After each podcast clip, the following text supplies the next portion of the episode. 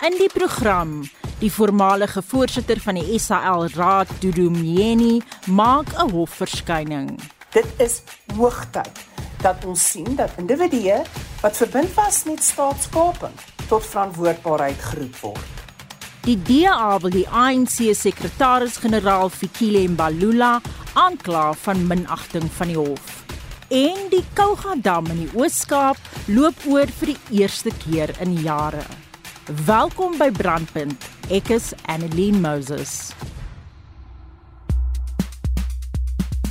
Die voormalige voorsitter van die Raad van die Suid-Afrikaanse Lugdiens, Dudu Mjeni, en die direkteur van Sondolo Inligtingstegnologie, Trevor Matenjwa, is uit op borgtog van R10000 elk.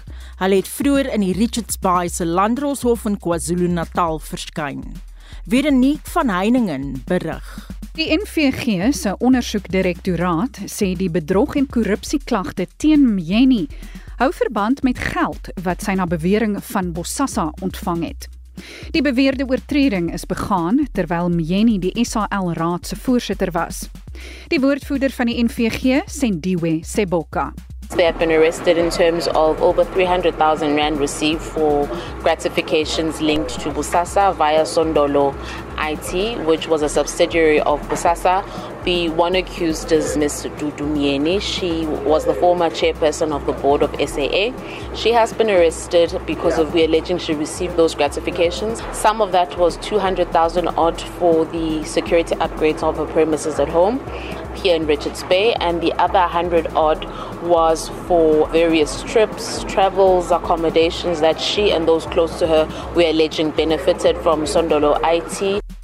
Die hoof van Outa se afdeling verantwoordbaarheid, advokaat Stefanie Fik, het so op die nuus gereageer. Die organisasie teen belastingmisbruik verwelkom die arrestasie en verskyning van Dudumieni en Trevor Matenshwa op beweringe van bedrog en korrupsie wat verband hou met die Bosasa korrupsie. Dit is hoogtyd dat ons sien dat individue wat verbind was met staatskaping tot verantwoordelikheid geroep word. Hoe lees die gesegde liewer laat as nooit?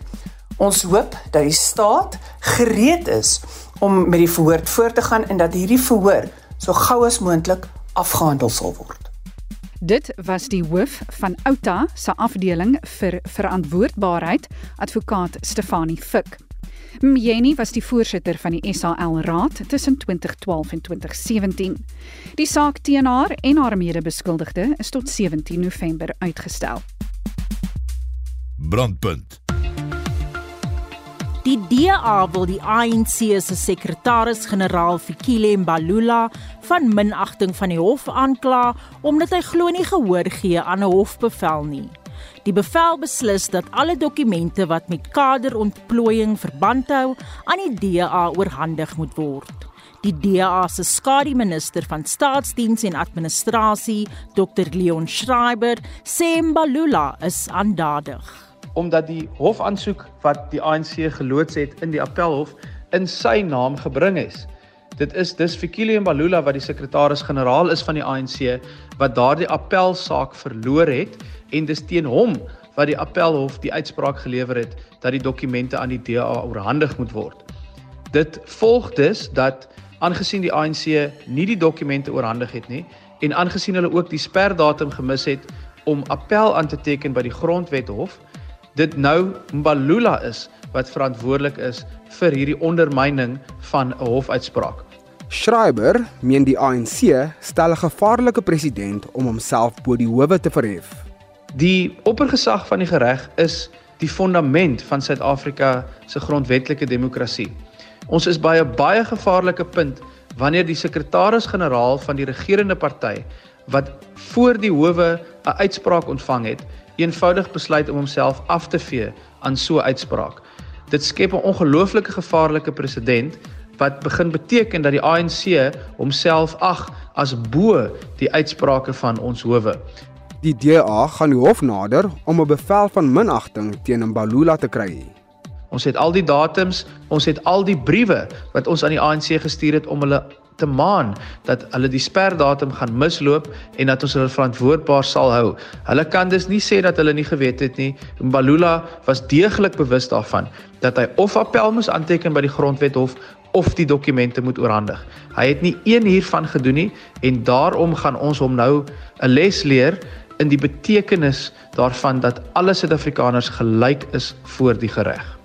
Dit was die DA se skare minister van staatsdiens en administrasie, Dr Leon Schreiber. Die ANC was nie beskikbaar vir kommentaar nie. Ek is Vincent Mofokeng vir SAK nuus. Die Suider-Afrikaanse Geloofsgemeenskap se Instituut vir Omgewingsake is tevrede omdat Eskom nou belangrike inligting oor veiligheidskwessies by die Kuiberg kernkragstasie bekend moet maak. 'n Geloofsleier van die organisasie, Lydia Petersen, sê die kernaanleg moet aan die nodige veiligheidsstandaarde voldoen om burgers se veiligheid te verseker. Die grootste kommer in terme van die geheimhouding en ondeursigtigheid het te doen met die veiligheid van die aanleg.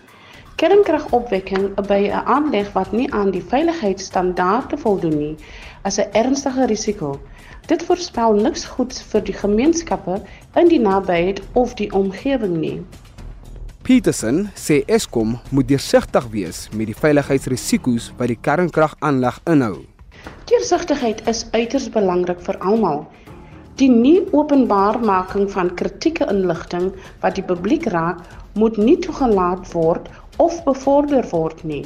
Veiligheid is 'n mensereg en dit moet as sodanig gehanteer word. Safkei wil die inligting gebruik om die regering aanspreeklik te hou.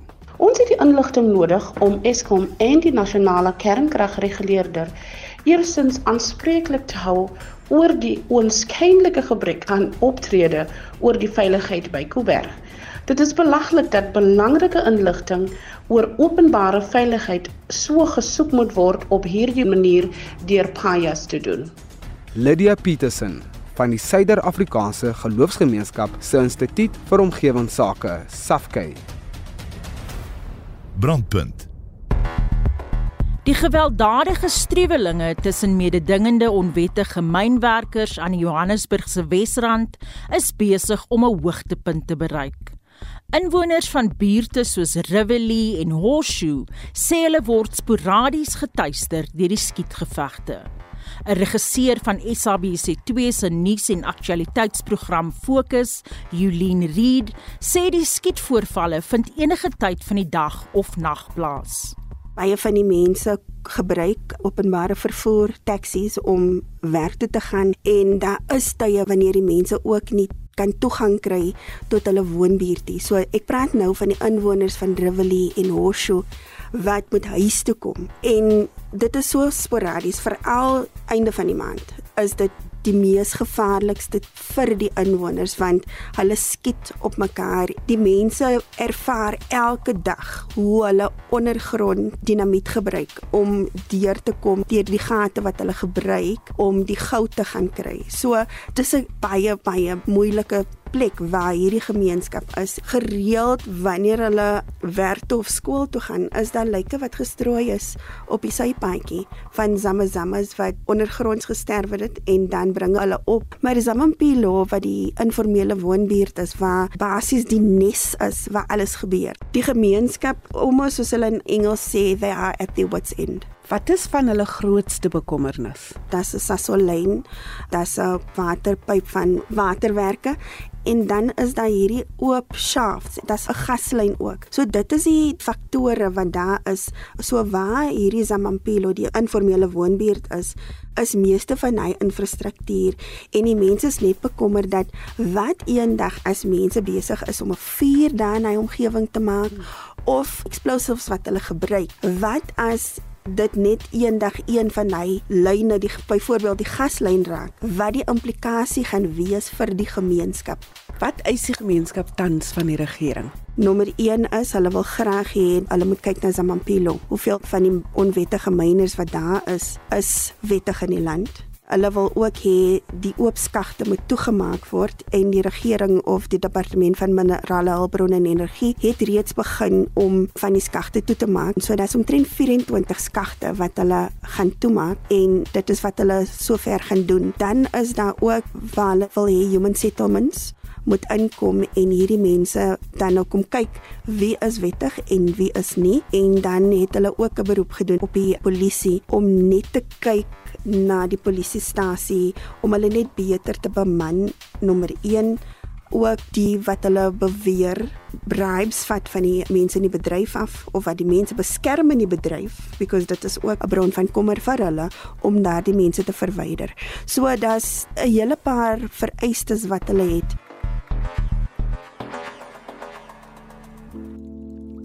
Die jongste reënval in die Oos-Kaap het verligting gebring vir die droogtegetuisterde westelike helfte van die provinsie. Renet Kuleski, die bestuurshoof van die Gamtoos Besproeiingsraad, sê die Kouga-dam sal al van vandag af begin oorloop vir die eerste keer sedert 2016. Ons verwag dat die Kouga-dam binne die volgende paar uur gaan oorloop. Dit is die eerste keer sedert 2016 wat ons sal mm, ervaar dat dit oorloop. Uh, dit is die gevolg van goeie reën wat in die opvanggebied geval het gedurende laas naweek as gevolg van 'n uh, afsnylaag wat oor da, oor die Langkloofgebied getrek het en by tye gedurende Dinsdagnag het daar het hulle tot en met 340 50 mm in sekere areas in die Langkloof gemeet. Daai afloop het op hierdie stadium ge, tot gevolg dat ons sit met die dam wat gaan oorloop. Dit is goeie nuus vir die landbousektore in die Gamtoosvallei wat water vanuit die Kouga dam ontvang. Dit beteken natuurlik baie vir die landbouverbruikers wat in die laaste 7 jaar beperk is met hulle waterverbruik en 'n uh, 'n vol dam beteken natuurlik op aanname dat daar 'n volkwota sal wees vir landbouverbruik, maar ook vir jou huishoudelike gebruik wie Kouga munisipaliteit en dan nou die metro is. Die hele gemeenskap van die Gamtoos is natuurlik in ekstase oor wat hier besig is om te gebeur want dit beteken dan nou dat ons landbouverbruikers ten volle kan boer. en die gemeenskap van Gamtoos is natuurlik opgewonde na 'n droogte van 8 jaar. Maar dit beteken ook verligting op ons landbouverbruikers wat werklik onder ehm um, uitsonderlike finansiële druk was die laaste paar jaar in die dat die droogte mens gewoonlik voorsien dat dit om en by 'n siklus van 4 jaar is en ons staan reeds op 8 jaar. So dit is vir die vir die gemeenskap van die Gamtoos, maar ook vir gemeenskappe buite die Gamtoos, ons publiek wat baie betrokke was by hierdie droogte en wat gebeur het tydens hierdie tyd vir ons opvanggebied wat waar ons verbruikers net so opgewonde is. Uh, dit beteken baie vir ons om hierdie dag te beleef en dit is 'n absolute verligting om in te gaan in 'n jaar wat daar minder beperkings sal wees. Renet Kolensky is die bestuurshoof van die Gamtoos Besproeiingsraad in die Oos-Kaap. Ek is Vincent Mofokeng vir SAK nuus.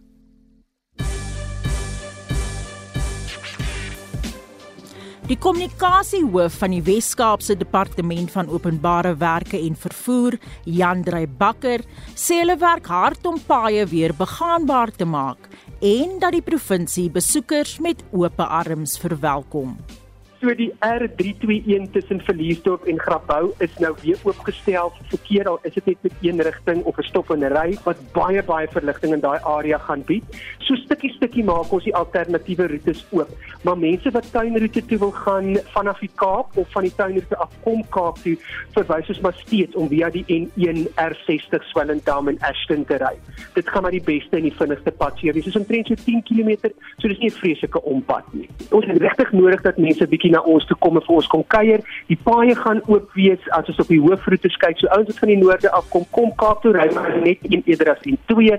Die ouens wat steeds al reeds op die N2 is, jy gaan net daar by Swellendam wegdraai. Dit dan die kommunikasiehoof van die Wes-Kaapse Departement van Openbare Werke en Vervoer, Jandrey Bakker. En daarmee groet ons tot maandag. Die brandpuntspan vandag was Vincent Mofokeng, Daitrin Godfrey, Bonginkosi Mthembu en my naam is Annelien Moses. Geniet jou naweek.